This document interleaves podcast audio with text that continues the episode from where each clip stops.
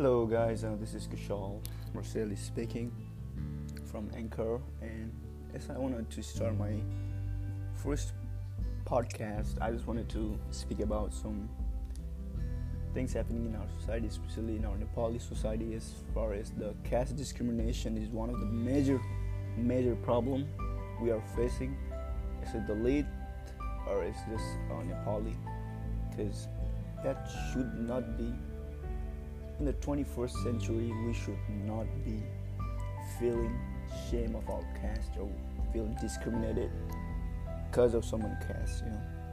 And i really really think as a nepali we should think about what are we educating ourselves and our generation that making them feel like you are superior superior superior than the other caste or you are higher than other caste. No we just need to think as a society this need to be stopped and we need to do it as a whole Nepali as a whole not just as a one caste or another caste as a whole. And we need to start educating the generation and we need to talk with our family and our older generation who are more stuck in the past you know.